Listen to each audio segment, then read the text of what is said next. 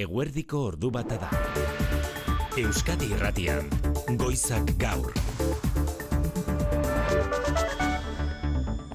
Arratxaldeon guztioi, Espainiako Kongresuko maiak ez dio datarik jarri Pedro Sánchezen investidura saioari alderdi sozialistak ezpaitu oraindik ere akordiorik itxi ez Carles Puigdemont den Junts alderdiarekin ez da Eusko alderri jeltzalearekin ere harremanetan ere jarraitzen dute Bruselan, PSOek eta Juntsek, badirudi sozialistek eskerrarekin hitzartu duten amnistiarako legearen artikulaturen zati batean luketela desadostasuna eta oraingoz behintzat konpondu ez duten desadostasuna litzatekela.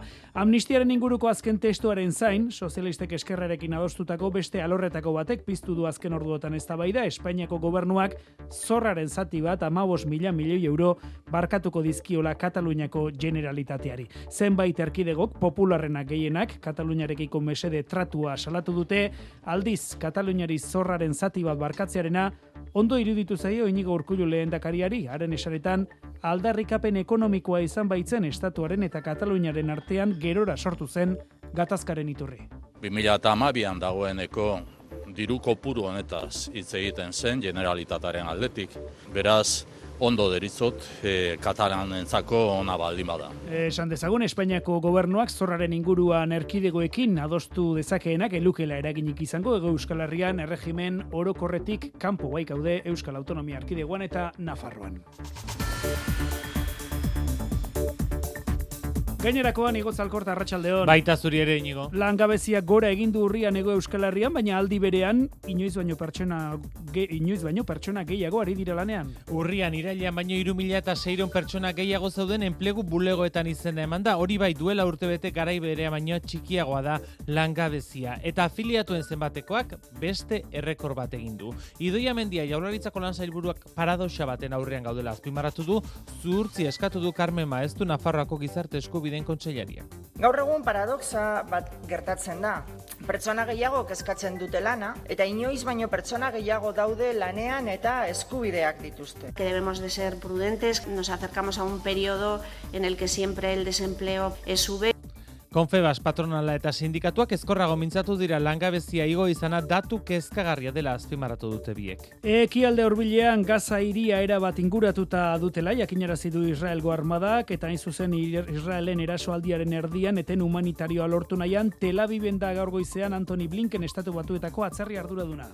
concrete steps uh, that can and should be taken to minimize harm to men, women and children uh, Gaza. zehatzak egin behar dira esan du zibilen aurren kalteak gutxitzeko gazan. Gerra zonaldera zabaltzea ere eragotzen nahi dute estatu batuek, norabide horretan garrantzitsua izango da Hasan Nasrallah, Hezbolako buruak ordu bietan egingo duen itzaldi orain arte hitz egin gabea baitzen. Gaur bestetik urriaren zazpiko jamasen erasoaldiak Israelen harrapatu zituen gazako milaka langile palestinar, atzera gatzara, gazara itzularazten hasi da Netanyahuren gobernua, giza eskubiden aldeko elkartek salatu dute, ez legezko egoeran izan dituztela orain arte Cisjordanian, eta orain segurua den eriotzaren bidean jarri dituztela. Etxean berriro ertzaintzak areagotu egingo du indarkeria matxistaren biktima diren emakumeen babesa, emakume horiek poliziaren babes neurriei uko egiten badiete ere. Gipuzkoako aldundiaren zaintzapean zegoen emakume batek bere erasotzailearekin borondatez ies egin ondoren aldatuko du protokoloa segurtasun sailak. Erkoreka sailburuak azpimarratu du emakumeak erabaki hori hartzearen atzean dauden arrazoiei erreparatuko zaiela, erasotzailearekin itzultzeko presioak edo menpekotasun ekonomikoa egon litezkelako eta beraz aurrerantzean uko ere eginarren arrisko handiko kasutzat hartzen jarraituko da. Ertzaintza gaur egun modu batera edo bestera ia 5000 eta 600 emakume babesten ditu Araban, Bizkaian eta Gipuzkoan 300 arrisko handiko kasu gisa hartzen dira. Eta Europako gerren historian Arabako Guardia Herriak leku propioa izango duela ere aurrerantzean kontatuko dizuegu, goizean goizetik kontatzen ari garen moduan, ikerketa baten arabera Guardian gertatu baitzen Europar orain arte frogatu izan den gizakien arteko lehen gerra edo gutxienez, lehen aurrez aurreko handia. Duela hogeita emezortzi urte Guardiarriko urmael baten ondoan azaldu ziren irureun eta hogeita hamar gorpu ikertuta jakin dute hori. Kristo aurreko iru mila urtekoak dira gorpua, zaurituta eta pilatuta daude. Nature aldizkariko Scientific Report sailak argitaratu du ikerketa, Lourdes Errasti arkeologoak ere parte hartu du berak eman dizkigu azalpenak. Egia da, garbi asko, e, hor e, enfrentamentu handi bat egon zela. Bueno, borkitu genitulako geziak e, zurretan sartuak. Horrek esan nahi du, gaurituak izan zirela gezi puntakin. Enfrentamentu bat egon zan, talde osoa egon zan implikatua, e, iruren personatik gora daudelako hilo leku berean, eta segurazki oso epe motzean. Aurkikuntza honek ia mila urte aurreratzen du Europako lehen aurrez aurreko handiaren data, aurretik Alemanian aurkitu zituzten mota honetako aztarnak. Sakonduko dugu albistiegi honetan ikerketa honek dioenaren inguruan errepidetan oraintxe zer berria ino mendiburu. Arazoak Gipuzkoan bi puntutan N6 irulau errepidean Zumaian hiru autoren artean istripua izan da Bilborako norantzan errei bat moztuta leku horretan. A ama bostean andoainen Donostierako norabidean matxuratutako kamio batek ere traba egiten du errei bat batean. Eguraldiari dagokionez, Naiara Barredo Euskal Meta Arratsaldeon. Kaixo Arratsaldeon. Aizeu fada bortitzak izan ditugu azken orduotan, euria ere ari du leku askotan eta temperatura ba desente freskatu da, zer espero duzu da zen orduotan? Ba, antzera jarraituko dugu, eh? giro ezatsegin eta freskoa izango dugu, temperatura litekena da 15 gradu azpitik gelditzea datozen orduetan, eta mendebaldeko aiza oraindik ere bizi biliko da batez ere kostaldean. Horrekin batera, itxasotik, ba, zaparradek sartzen jarraituko dute tarteka, noiz behinka, eta kantabrisuri aldean, ba, mardul xamarrak izan daitezke. Egunaren amaieran, aizeak ego mendebaldera egingo du, eta litekena da aterruneak luzatzea. Asteburuari dagokionez, nahiara, asteburuan aldaketarik espero duzu, eh? Beno, aldaketa batzuk bai, eh? baina bihar larun bata oraindik ere ba izezakarra egin beharko dugu. Biharkoan ego mendebaldekoa izango da, indartxu joko du haize horrek egun osoan, baina egoerarik makurrena goizean espero dugu, hain zuzen alerta laranja indarrean dagoen bitartean. Ego haize horri esker, hori bai, asko zepelagoa izango da biharko eguna gaurkoa baino, eta euri pixka bat ere egin dezake. Igandean, haizeari dagokionez, egoerak lasaitzera egingo du, haizeak indarra galduko du egunak aurrera eginala eta ez dugu bazartzen igandan ere euri egin dezakenik batez ere kostaldean eta egunaren bigarren partean. Baina barnealdeko eskualdeetan seguraski ateri eutxiko dio. Beraz e, labur bilduz bihar nabarmen epelduko du baina egoaize oso zakarra izango da euri pixka bat ere bai eta igandean berriz egoera lasaiagoa izango da baina oraindik ere euri egin dezakenik baztertu gabe batez ere kostaldean. Ba iragarpen honekin Gipuzkoako Foru Aldundiak jakinarazi berri du bertan bera utzi dituela asteburu oso osoan, urean edo ur inguruan egiten diren kirol eskolako jarduerak tartean dira arraunketa piraguismoa, surfa eta ondartzako futbola eta voleibola. Kiroletan bestela, Jose Maria Paula Zarratxaldeon. Arratxaldeon inigo. Jokin altunak azkenean jokatuko du etzi? Ba bai, sorbaldan orain alago mini gestuelako eta partidaren garrantzia kontuan izan da, amezketan gaur jokin altunak erabakitu partida jokatzea. Datorren igandean beraz, altuna jaka eibarren. Bihar gazteitzen Peña Peio Etxeberria beste final aurrekoa, promoziokoak gaur du bigarren final aurrekoa, bilabonan Zubizar eta Irugarrena albizu bigarrena. Kirol albistetan ere emaria handiko goize izan dugu futbolean, haien Muñoz realekuak 2000 eta hogeita zazpira arte berritu du kontratoa, hogeita sei urte ditu aurten. Partia dena jokatu ditu ligakoak eta txapeldunen ligakoak, eta saskibaloian Baskonia partizan partida daukagu gaur zortziterritan, Dusko Ivanovic berriz ere asteradoa gazteiztarrak zuzentzen, baina honen parean etorri zegu gaur albistea Donostian. Gipuzkoako saskibaloiaren zatiketa historikoa iraganeko dugu zorionez.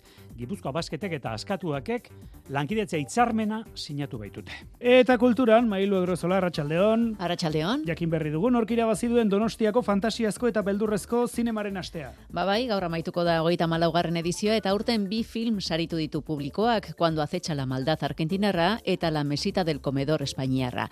Film laburrik onena berriz, Transilvani frantziarra izan da, epaimaiak ez ezik publikoak ere, labur metrai hau saritu du. Josemi Beltran, zine jaialdiaren zuzendaria da. Gure altengo saria eseko izan da, cuando acecho la maldad eta la mesita del comedor filmen txat, e, sortzi eta hogeita sortzi e, izan da beraien puntuazia, taularen nengo zatian, ia fil guztiak direla serioak. Ordu bitardietatik aurrera, xetasun guztia kultur lehioan Euskadi Irratian, ordu bata eta bederatzi minutu ditugu orentxe, teknikan eta realizazioan Mikel Retegi eta Mikel Fonseca, azaroak irugarrena du gaurkoa. Euskadi Irratian, goizak gaur.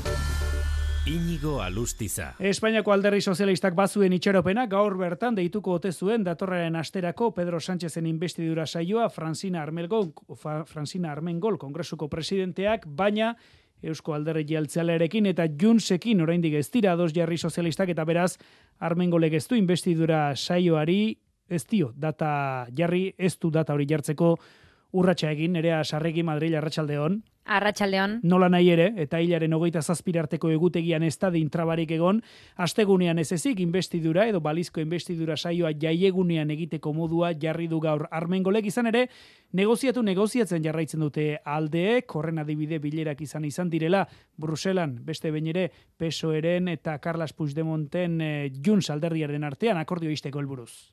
Bai, ez dago juntzekin akordiorik, ezinezkoa izan da momentuz amnistia legearen testua istea, eta beraz ez dago investidura datarik, datorren astean bertan Pedro Sánchez presidente izendatzeko aukerak gertuago zirudien atzo gaur baino, baina pesoek ez du amoreman nahi, eta Bruselak kontaktuak izaten ari dira sozialisten eta juntzen artean, korapiloa ez da askatu, ez dute zehazten non dagoen, eta bitartean negoziaketetan ari diren taldeek aitortzen dute, ez dutela dataren inguruko informaziorik, ez akordio oraindik itxi ez duen eaiotak, eta ez da sumarrek erentzun Marta Lois bozera mailea.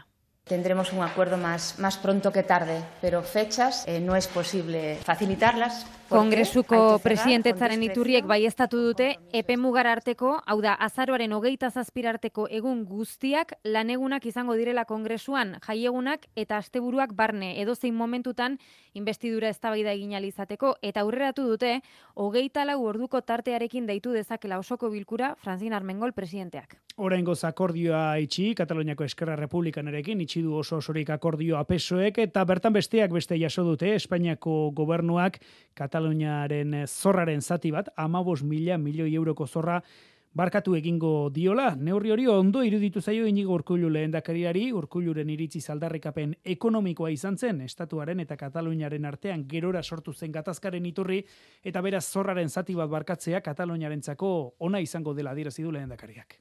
2008-2008 epealdi horretan izan zen egoera batetara itzultzen gaitu. 2008an dagoeneko diru kopuru honetaz hitz egiten zen generalitataren aldetik. Eta hau izan zen 2008an gerora izan den prozedura politiko eta prozesu politikoaren jatorria hau izan zen. Beraz, ondo deritzot e, katalanentzako ona baldin bada. Aitzitik, Espainiako gobernua Kataloniari mesede tratua emango diolakoan, aserrea gertu dira, hainbat autonomia arkidegotako presidenteak, popularrak gehienak, azkenak Galiziako xuntako presidentea, baina tartean baita Adrian Barbon Asturiasko presidente sozialista ere, Urratxo bat arago joan da, zorraren barkamenare, barkamen hori auzitara eramango duela ere iragarri du gaztela eta leongo presidente popularrak honek guztiak nerea argi utzen dugu elukela eraginik izango dugu Euskal Herrian. Hori da, eh, Espainiako gobernuak bermatzen du, eskerrarekin itxitako akordioaren parte bada ere, arautegi orokorraren mende dauden, erkidego guztiei eragingo diela neurri honek, hau da guztiei, Euskal Autonomia erkidegoari eta Nafarroari izan ezik, Madrilek ere ez du onurarik izango, baina kasu honetan ez dagoelako fla edo likidezia funts autonomikora txikita. Argi utzi nahi izan du hori gaur, Nadia Calviño ekonomia presidente ordeak, entzun. Se trata de una medida que sería extensible a las comunidades autónomas gobernadas por el Partido Popular. Me ha sorprendido la reacción Eta bada, zergatik batez ere peperen erkidegoen aserrea, bargudiatzen dute Sánchezek botereari eusteko helburuz, independentistei eskenitako neurria dela, botoak behar dituelako besterik gabe, gainontzekoekin ez duela eztabaidatu gaur, iragarri du Mañueko Gaztela eta Leongo presidenteak epaitegietara joko dutela. Acudiremos a la justicia. Es un agravio negociar con unos pocos lo que afecta Dakizuenez, a todos zorraren barkamena eskerrarekin itxitako akordioaren fruitua da, ba gaur arratsaldeko seietan jakinaraziko du ERSek bere oinarriek onespena ematen dioten edo ez Sánchezen investidura babesteari. Euskararen aurkako oldarraldi judizialaren kontrabestalde, kontseiluak Bilbon deitu duen manifestazioaren bezperan, ninigo urkullu lehendakariaren arabera, justiziaren alorrean Euskal Iztunen hizkuntza eskubideak ez daude bermatuta ezinezkoa baita prozesu judizial osoa euskara utxean egitea horri konponbidea bilatu beharrean botere judizialak azken sententzien bitartez euskararekiko sentsibilitate falta erakutsi duela hori salatu durkulu lehendakariak legebiltzarrean boxek eta ziudadanosek egin dizkioten galderei erantzunez zainara Rubio Gasteiz Arratsaldeon Arratsaldeon botere publikoen bete beharra botere judizialarena ere bai herritarren hizkuntza eskubideak bermatzea dela esan du inigo urkullu lehendakariak. Helburu hori betetzetik urrun dagoela salatu du besteak beste justizian euskararekiko sentsibilizazio faltagatik. Gaur egun euskara eta gaztelania ez dira berdintasun egoera batean bizi. Onarte zina da. Asko dago egiteko esparru askotan. Gaur egun, Euskaldun batek ezin du prozesu judizial bat hasieratik bukaera arte Euskara utzean egil, ezin du. Bi aukera ditu, hizkuntza saldatzea edo itzultzaile bat eskatzea. Berme judizial guztiak ahultzen dira horrela. Boxek eta Ciudadanosek itzauen atzean justiziaren aurkako oldarraldia ikusi dute eta biharko manifestazioak euskarari mesede baino kalte egingo diola ohartarazi. Hain zuzen ere, katalana, galiziera, asturiera eta aragoieraren aldeko gizarte eragile nagusietako ordezkariek kontseiluak deitutako manifestazioari atxikimendua adierazi diote gaur hizkuntza gutxituak denak denek esan dute adierazpen bateratuan botere judizialaren oldarraldia jasaten dutela ezin dugu onartu auzitegietan irabazterik gure herrietan garaitu ezin dutena. Aurrerago joan behar dugu. Urrats politiko sendo eta ziurrez. Eh, ¿Qué legitimidad ten, qué autoridad ten o Poder Judicial para eh, inserir, eh, para actuar en relación a cada una de les nostres llengües? No? Òmnium se solidaritza de nou amb el poble basc i amb l'euskera. Cadascuna de les llengües és oficial en el seu territori. Jendetza espero da bihar bilbon, ordezkaritza politiko zabala ere baitartean, EAJak zehaztu du Euskadi Buru Batzarreko seikide itxaso atutxa Joseba Egibar eta Unai Ualde besteak beste bilbon izango direla, erakundeetako kargo publiko ugarirekin batera, EH Bildutik berriz, peio txandiano maialen iriarteetan ere akortajanera izango dira besteak beste. Nafarroan bitartean, hezkuntza departamentua hainbat langileri euskara ikasteko baimenak ukatzen ari dela salatu du lab sindikatuak eta hizkuntza eskubideak bete daitezen eskatzeko elkarretaratzea egin dute Carlos Jimeno kontsailariak zuzentzen duen egoitzaren atarian Eliera Soiruña Arratsaldeon. Arratsaldeon bai ba euskara fobiari stop zioen pankarta buru jakinarazi du labek. Hamarka irakasleri ukatu diela hezkuntza departamentuak euskara ikasteko ikastaro trinkoetara joateko baimena. Foru dekretuak ezartzen dituen irizpideak bete eta ikastetxeko zuzendaritza taldearen baimena izanik ere atzera bota dizkiela eskaerak. Ganora gutxiko aitzakiekin gainera Isabel Artieda laben funtzio publikoko arduradunak azaldu duenez bada lanpostu bat deitzen dena espezialista de apoyo educativo, vale? Orduan, eskatzen dute baimena euskara ikasteko eta batzuei esaten zaie. Ez, ez duzu nahiko maila gehiago ikasteko. Beste bati, justo kontrakoa. Ez, zuk baduzu nahiko maila ikasteko ordun baimenik ez. Eta gero, e, ez zure plazak ez du e, rekizito hori, vale? Ordun ez duzu eskubidea, baina ez da gehiago. Gertatzen ari dena azken aldian euskararen kontra zabaldu denen giroan kokatu du foru administrazioan gehiengoa duen sindikatuak. Adibidez, ze gertatzen ari da epaitegietan. Hori dena dago guk sartzen dugu pakete bera. Horregatik, labeko ordezkariek bat egin dute, konseiluak bihar bilbon deitu duen manifestazioarekin. Urriko langabezia datu idego kionez, ego euskal herrian iru mila eta seion langabe gehiago zenbatu ditu Espainiako lan ministerioak, hori bai afiliazioak inoizko daturik onen utzi du aurreko hilabetean baino, amabos mila eta zazpion lagun gehiago baita bairi bat dira oraintxe lan merkatuan hezkuntzan izan dira kontratazio gehienak. Zurtziaz mintzatu dira agintariak zurin etxe berri arratsaldeon arratsaldeon araban bizkaian eta gipuzkoan. Urrian 13600 eta 75 lagun gehiago hasi dira lanean. Gizarte segurantzan izan diren alta gehienak hezkuntza arlokoak izan dira baina aldi berean langabeziak gora egin du. Aurreko hilabetean baino 2000 bederatzireun eta hogei langabetu gehiago zenbatu dira. Zurtziaz mintzatu da idoia mendi mendia jaurlaritzaren lan eta enplegu sailburua. Gaur egun paradoxa bat gertatzen da. Pertsona gehiago kezkatzen dute lana, Eta inoiz baino pertsona gehiago daude lanean eta eskubideak dituzte. Euskadik enplegua sortzeko eta mehatxu guztien aurrean aurre egiteko erakutsi duen gaitasuna guztion arrakasta da. Baina zaindu beharreko arrakasta da baita ere. Triunfalismorik ez, ez da katastrofismorik ere esan du mendia kurteko bilakaera osoari erreparatu beharko zaiola gaineratu du. Bide beretik hitz egin du Carmen Maestu Nafarroako ekonomia kontseiariak. Que debemos de ser prudentes, nos acercamos a un periodo en el que siempre el desempleo por ese carácter estacional. Urrian seireun eta larogeta malau langabetu gehiago zenbatu dira, baina 2000 eta hogeta bost lagunek lortu dute lan kontratu bat azken hilabetean. Zur beraz e, gobernuak, baina datuak txarra direla hori nabarmendu dute, bai patronalak, baita sindikatuek ere langabezia igo egin baita patronalaren esanetan iru mila lagun gehiago da lango, dago langabezian Euskadin eta igoera gainera nabarmendu du konfebaskek sektore guztietan nabaritu dela. Sindikatuak ere bide berean, elak sinatutako kontratuetan jarri du azpimarra, lautik iru behin izan direla nabarmendu du Xabi Zabala ela sindikatuko ikerketa bulegoko kidea. Duela markada bat baino gehiagotik izan den urririk txarrena da langabeziari dagokionez. Izan ere, irailean baino irumia zireun langabe gehiago daude ego euskal herrian. Igoera horrek eragin handia izan du gazten artean. Urrian egindako kontratuek aurreko hilabetetako ezaguarri berberak dituzte, prekarioak eta aldi baterakoak. Urrian sinatutako lau kontratutik hiru aldi baterakoak izan dira. Labentzat langabeziak emakumea aurpegia du, amar langabetutik sei emakumea da, UGTek ere denbora luzez langabezien dauden herritarrentzako politika bereziak abian jartzeko eskatu dio Eusko Jaurlaritzari. Siemens Gamesako lanpostuen defentsan bestalde elkarretaratze egin dute langileek gaur eguerdian enpresak Zamudioko teknologia parkean duen egoitzaren aurrean sindikatu nagusi guztiek deituta aurretiaz estatuko lan batzorde guztien izenean prensaurreko eskaini dute eta kezka adierazi 5 mila lanpostu zuzen eta zeharkako kopuru oso handi bat 5 mila horietatik kopuru oso handi bat desagertzeko arriskua benetakoa dela. Alaber enpresako zuzendaritzari gardentasuna eta erakunde publikoei lanpostuen defentsan implikazioa eskatu diete. Urtzi gartzia arratsaldeon arratsaldeon bai Siemens Gamesak estatu osoan dituen 5000 gora langileen artean kezka da nagusi. Enpresa zuzendaritzak estielako inolako informaziorik ematen eta erakunde publikoen aldetik ere ez zutelako lanpostuen defensan implikazio nahikorik ikusten. Clara Fernández, Comisiones Obreras, John Redondoela, Eneco Mujica Lab.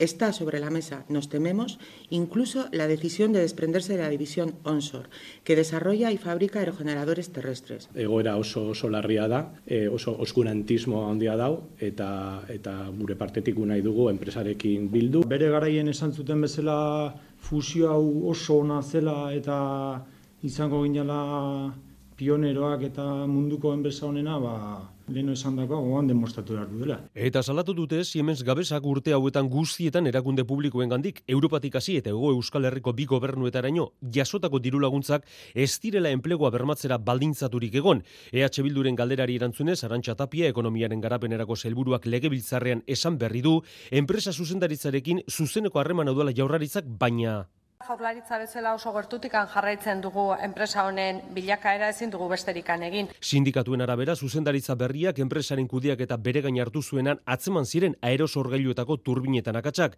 eta arduradun berrien esperientziari falta esperientzia faltari egotzi diote arazo horien ardura geroztik Siemens Gamesak ez du buru altza, hiru hilabete daramate produkturik saldu gabe eta urten bakarrik laun mila eta bostun milioi euroko galerak izate aurrikusen da. Hilaren hogeita batean, etorkizuneko plan estrategiko aurkeztuko du zuzendaritzak.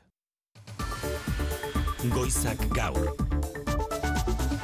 Ordu bata eta hogeita bi minutu ekialde horbilean Hasan Nasralaz, Hezbolako buruak berrogei minutu eskaz barru egitekoa duen itzaldia izango dugu gaur arretagune, krisiak estanda egin zuenetik lehen biziko aldiz hartuko baitu itza Nasralak, eta ikusmina handia da gerra irekia aldarrikatuko ote duen Libanotik Israelen aurka. Gazan bien bitartean, Gaza iria inguratuta dutela, jakinarazi du Israelgo armadak, eta une honetan Tel Aviven da Anthony Blinken estatu batuetako atzerri arduraduna Israelen erasoaldiaren eten humanitarioa lortu nahian, azken orduaren bilagoaz Jerusalemen Jerusalemera Mikel Aiestaran arratsaldeon.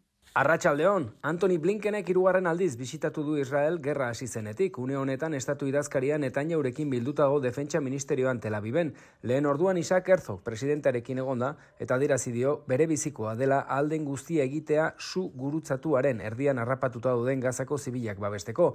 Blinkene gaineratu du atxedenik gabe ari dela lanean jamasen eskuetan gatibu den pertsonen askapena lortzeko. Bederatzi mila pertsona baino gehiago hildira gazan gehienak emakumeak eta aurrak. Jamasen esku dauden gatibuen familiek protesta egin dute telabiben balizko sueten baten aurka. Gobernuari eskatzen diote, jamasek baituak askatzen dituenean soilik onartu dezala suetena. Beste harretagunea Libano da, espero baita gerra hasi zenetik lehen goz hitz egitea jasan nasralak, jezbolako buruzagiak. Gazan, hango osasun ministerioaren arabera, bederatzi mila eta berreun pertsona hildira da Israelen erasoen ondorioz, hori da bertako osasun ardura dunek emandako azken datua, eta Gazako gerrari lotutak gaur albiste da baita ere, urriaren zazpian, Israelen arrapatutak eratu ziren, Gazako milaka langile palestinar kanporatzen hasi direla Israelgo agintariak. Giza eskubidetako erakundek salatu dutenez, ez legezko egoeran izan dituzte atxikita orain arte, langile palestinar hauek mertxetxe berri arratsaldeon. Arratsaldeon Israelera lanera egunero pasatzen ziren langile palestinarrak dira, urriaren zazpiko jamasen erasoaldiak bertan harrapatu zituen eta Israelek Gaza isolatu eta gero galerazi egintzien ara itzultzea, baita kasu askotan ere familiekiko komunikazioa eten. Gune berezietan izan ditu atxikita gehienak Cisjordanian, orain Israelgo agintariek jakinerazi dute kanporatu eta gazara itzularazten hasi direla. Ehunka batzuk gutxienez Rafa ondoko Kerem Shalongo pasabidetik sartu dira. they're being sent back Um, we don't know exactly to where. Nazio batuen erakundeak kezka plazaratu du langile palestinar hauek zehazki nora bidali dituzten gazan ez dakitelako eta ez dagoelako argi ez da etxerik baute duten ere bertara joateko. Kezka plazaratu du baita ere giza eskubidetarako bulegoak Jordanian egunetik egunera makurtzen ari delako egoera bertako palestinarrentzat, kolono judutarrak erabateko impunitatez eta sarri indari israeldarren babespean ari dira palestinarrei eraso egiten, nazio batuen erakundeak salatu duenez Genebako konbentzioak debekatuta duen populazio zibilaren behartutako leku aldaketa gisa ar daiteke egoera hau nazio batuen erakundearen ustez azken hogeita laborduotan zazpi palestinar behintzat hildituzte Gisjordanian Israelgo e, soldaduek. Ordu bietatik aurrera hitz egingo du, lehen biziko aldiz izan bezala Hezbolako buruak, Hasan Nasralak, ordu bietako albistegian saiatuko gara kontatzen zer esaten ari den Hezbolako buruzagia eta Mikel Aramendi adituak ere lagunduko digu horretan. Ordu bata eta hogeita 6 minutu atzera etxean ertzaintzak aldatu egingo du indarkeria matxista jasaten duten biktimei arreta emateko protokoloa joan den urrian Gipuzkoko aldundiaren zaintzapean zegoen emakume batek bere erasotzailearekin ies egin ondoren, Josu Erkoreka segurtasun helburuak gaur legebiltzarren azaldu duenez, indarkeria matxistaren biktima den emakumeak poliziaren babes neurriei uko eginarren, ertzaintzak zaintza hori egiten jarraituko du aurrerantzean babeslana areagotuz gainera, hasu narozen alegebiltzarren arratsaldeon. Arratxaldon bai ertzaintzak aldatu egingo du indarkeria matxistaren biktimak babesteko duen protokoloa eta hemendik aurrera naiz eta biktimak uko egin poliziak eman beharreko babesari ertzaintzak ulertuko du uko egiten diola erasotzailearekiko duen mendekotasunaren gatik, mendekotasun emozionala, ekonomikoa edo seme alabak izateagatik. Eta hemendik aurrera hortaz, kasu hoiek ere arrisku handiko hartuko ditu eta biktimen segurtasuna areagotzeko neurriak hartuko dira. Ertzain Ertzaintzak gaur egun ia 5006 emakumezko babesten ditu, horietatik ia 300 kasu larriak dira, arrisku handikoak. 42 bizkartzaina dute, berreunetik gora poliziaren kontrazaintza eta beste hainbestek dituzte baliabide telematikoak. Josu Erkorekaren esanetan kontrazaintza lanak areagutuko dira eta aztertuko dira erasotzailea orain baino gehiago kontrolatzeko neurriak. Eta ez genuke albistegia amaitu nahi, gerren historia alda dezake aurkikuntza kontatu gabe igotz hogeita emezortzi urte, Guardia Herriko urmael baten ondoan, irureun eta hogeita mar gorpua saldu ziren duela hogeita emezortzi urte, eta horiek ikertuta jakindute Europan maila hondiko lehen enfrentamentu edo gerra baten aztarnak izan litezkela. Horrek aurreratu egiten du orain arteko data, mila urte aurreratzen du zehatz esan da, eta nun, eta Euskal Herrian araba herriosako guardian atzeman da. Nature aldizkariko Scientific Reports sailak argitaratu du ikerketa, Baiadolideko Unibertsitateko Teresa Fernandez irakasle, irakasleak zuzendu du ikerketa, baina Euskal Herriko arkeologo forentxe eta historialariek ere parte hartu dute bertan. Euskadi Erratiko faktorian hitz egin dugu Lourdes errastirekin oian eustos. Teoria historikoak aldatzera datori ikerketa hau Europako lehen guda, lehen enfrentamentu handia mila urte helenago izan zelako neolito garaian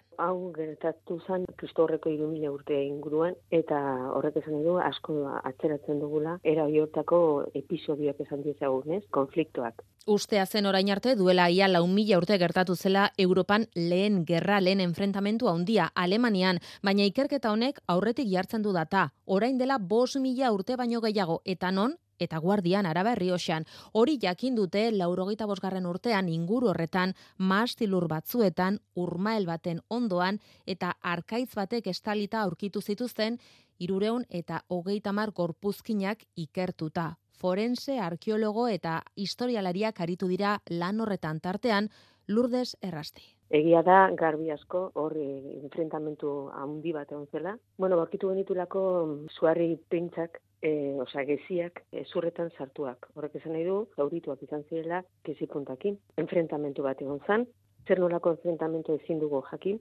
baina talde osoa egon zan implikatua, e, irurun personatik gora daudelako hilo biratua leku berean, eta segurazki oso epe motzean, porque bat abesteren gainean daude, eta horrek esan nahi du ez dagoela tarte hundirik, baten eriotzatik, beste neriotzera. Gizon heldua bakarrik ez, emakumeak eta aurra askoren gorpuzkinak ere badira eta ezur horiek dituzten zauriak ikertuta atera dute ondorioa. Garei konkretu baten kartatu dako ekintza violentoa da, eta ekintza violento esan bakarrik eh, ez dakit ba, momentu bateko e, asalto bat edo, baizik eta iropen txiki bat izan zuen e, ba, enfrentamentu bat. Baiadoliteko unibertsitatetik zuzendu dute ikerketa hori eta Euskal Herriko hainbat adituk ere hartu dute parte, Bart argitaratu dute izen handiko Nature aldizkarian zehazki Scientific Reports atalean. Ordu bat atardiak jo berriak.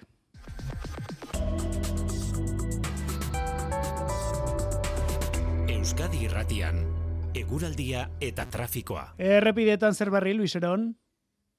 Euskako bi lekutan, eh, segurtasun saiaren arabera N6 irulau errepidean, Zumaian Bilbora bidean, hiru autoren arteko istripuak eraginda errei bat mostuta dago.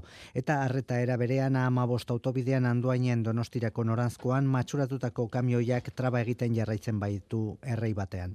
Eguraldiari dagokionez, giro zakarreta bustiarekin jarraituko dugu datozen orduotan, eta asteburuari dagokionez, bi arraizeak gogor joko du, bareagoa izango da egoera igandean hausiere garpena. Bihar larun bata oraindik ere aizea hitz egin beharko dugu. Ego baldetik indartsu joko du egun osoan, baina egorarik makurrena goizean espero dugu. Alerta laranja indarrean dagoen bitartean. Ego aize horri esker, eguna hori bai asko zepelagoa izango da gaur baino, eta euri pixka bat ere egingo du. Igandean, aizari dagokionez egoerak lasaitzera egingo du. Ez dugu baztertzen igandean ere euria egin dezakenik, batez ere kostaldean eta egunaren bigarren partean, baina bar barnealdeko eskualdeetan segurazki ateri eutxiko dio.